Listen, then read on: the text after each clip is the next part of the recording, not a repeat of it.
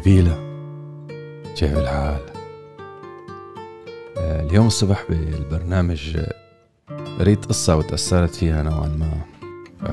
وصلني العديد من المسجز على وسائل التواصل الاجتماعي طالبة مني إني أرجع شارككم القصة. ف فهذا اللي صار على الهوا اليوم.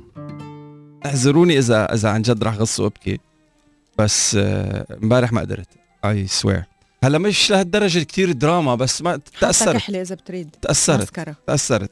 okay يلا. okay. آه عاقب أب ابنته بنته اللي لم تتجاوز من العمر ثلاث سنين لأنه خربت أوراق تغليف الهدايا. مم. كانت حالته المادية مش ولا بد وعشان هيك عصب ولما شاف بنته عم تحاول إنها تزين علبة بين إيديها. صرخ عليها وزعبها ونيم على دموعها الصبح أحضرت الطفله تلك العلبة الصغيرة لأبوها وهي عم تقول له بابا بابا هي هديتك. تذكر العلبة تاعت امبارح تلعثم تقل نفسه وعجز عن النطق. توقفت ردة الفعل لديه. ومع إلحاح البنت أخذ الهدية وعد على أصابعه من الخجل. فتح العلبة وجن جنانه لما فتح العلبة واكتشف إنه العلبة فاضية وبلش يصرخ. ما بتعرفي لما تهدي شخص هدية لازم يكون جواتها شيء شال العلبة وكبب سلة المهملات. البنت وعينها عيونها مدمعين قالت له بابا العلبة مش فاضية. حطيت لك كتير بوسات جوا العلبة وكلها إلك يا بابا.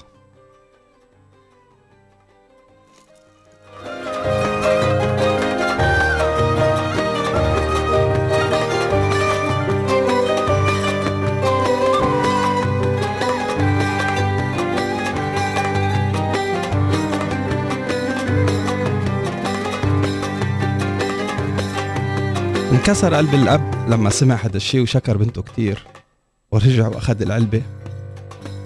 وبدأ يتظاهر بأنه أخذ شوية من البوسات من العلبة وبنته عم تضحك وتسقف. وهي كتير كتير فرحانة. صار كل يوم يلعب معها ويقضيها بوقت كله فرح وسعادة. كبرت البنت وتزوجت وسافرت بعيد عن أبوها. وصار أبوها يشتاق لها كتير. وكل ما يزيد شوقه لإلها أو يتضايق من شي بيطلع علبة البوسات. بياخد منها شوية بوسات من بنته الحنونة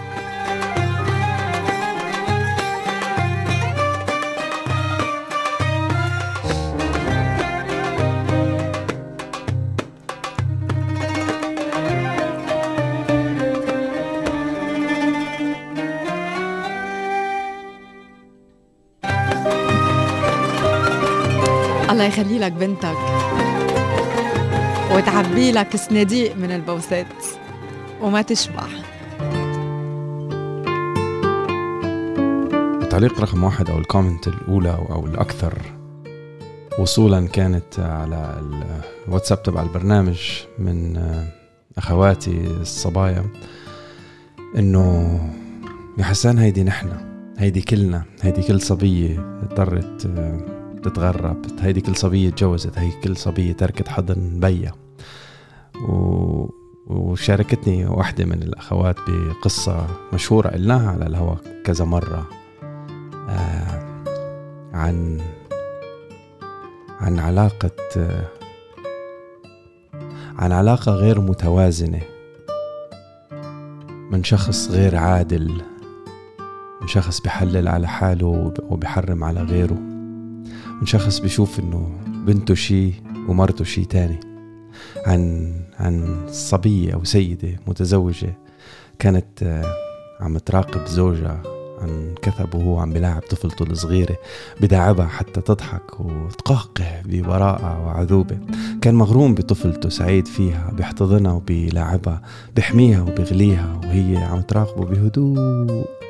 بعدين قربت منه وسألته قد إيه بتحبها؟ فجاوبها متحمس وهو لسه عم بلاعب البنوت الصغيرة. قال بحبها لحد الجنون. إيه إيه أنا مجنون فيها طفلتي غاليتي حبيبتي ماستي الثمينة. قربت منه أكتر وقالت له بكرة بتكبر وبتتزوج. يا ترى شو رح تعمل إن أساء زوجها معاملتها؟ فرد عليها بحماس وجدية قال رح أقتله. طلعت. نتحت وقالت له كنت طفلة بنفس عمرها في يوم من الأيام كان بيي مغروم فيني سعيد بضحكاتي وبراءة عمري كان حريص على سعادتي واجتهد بتربيتي من المؤكد إنه تمنى لي الخير طول حياتي ولما جيت لخطبتي وافق عليك لإنه أعتقد إنك الرجال اللي بيستحق ثقته واللي رح يصون بنته الحبيبة ويسعدها. بابا كمان كان في يوم من الأيام أب مثلك حب بنته اللي هي أنا خاف علي وحطني بقلبه ليحميني من الهوى من نسمة. اجتهد بتدليلي عز عليه يشوف الدمعة بعيوني صارع الدنيا ليطعميني ويسقيني.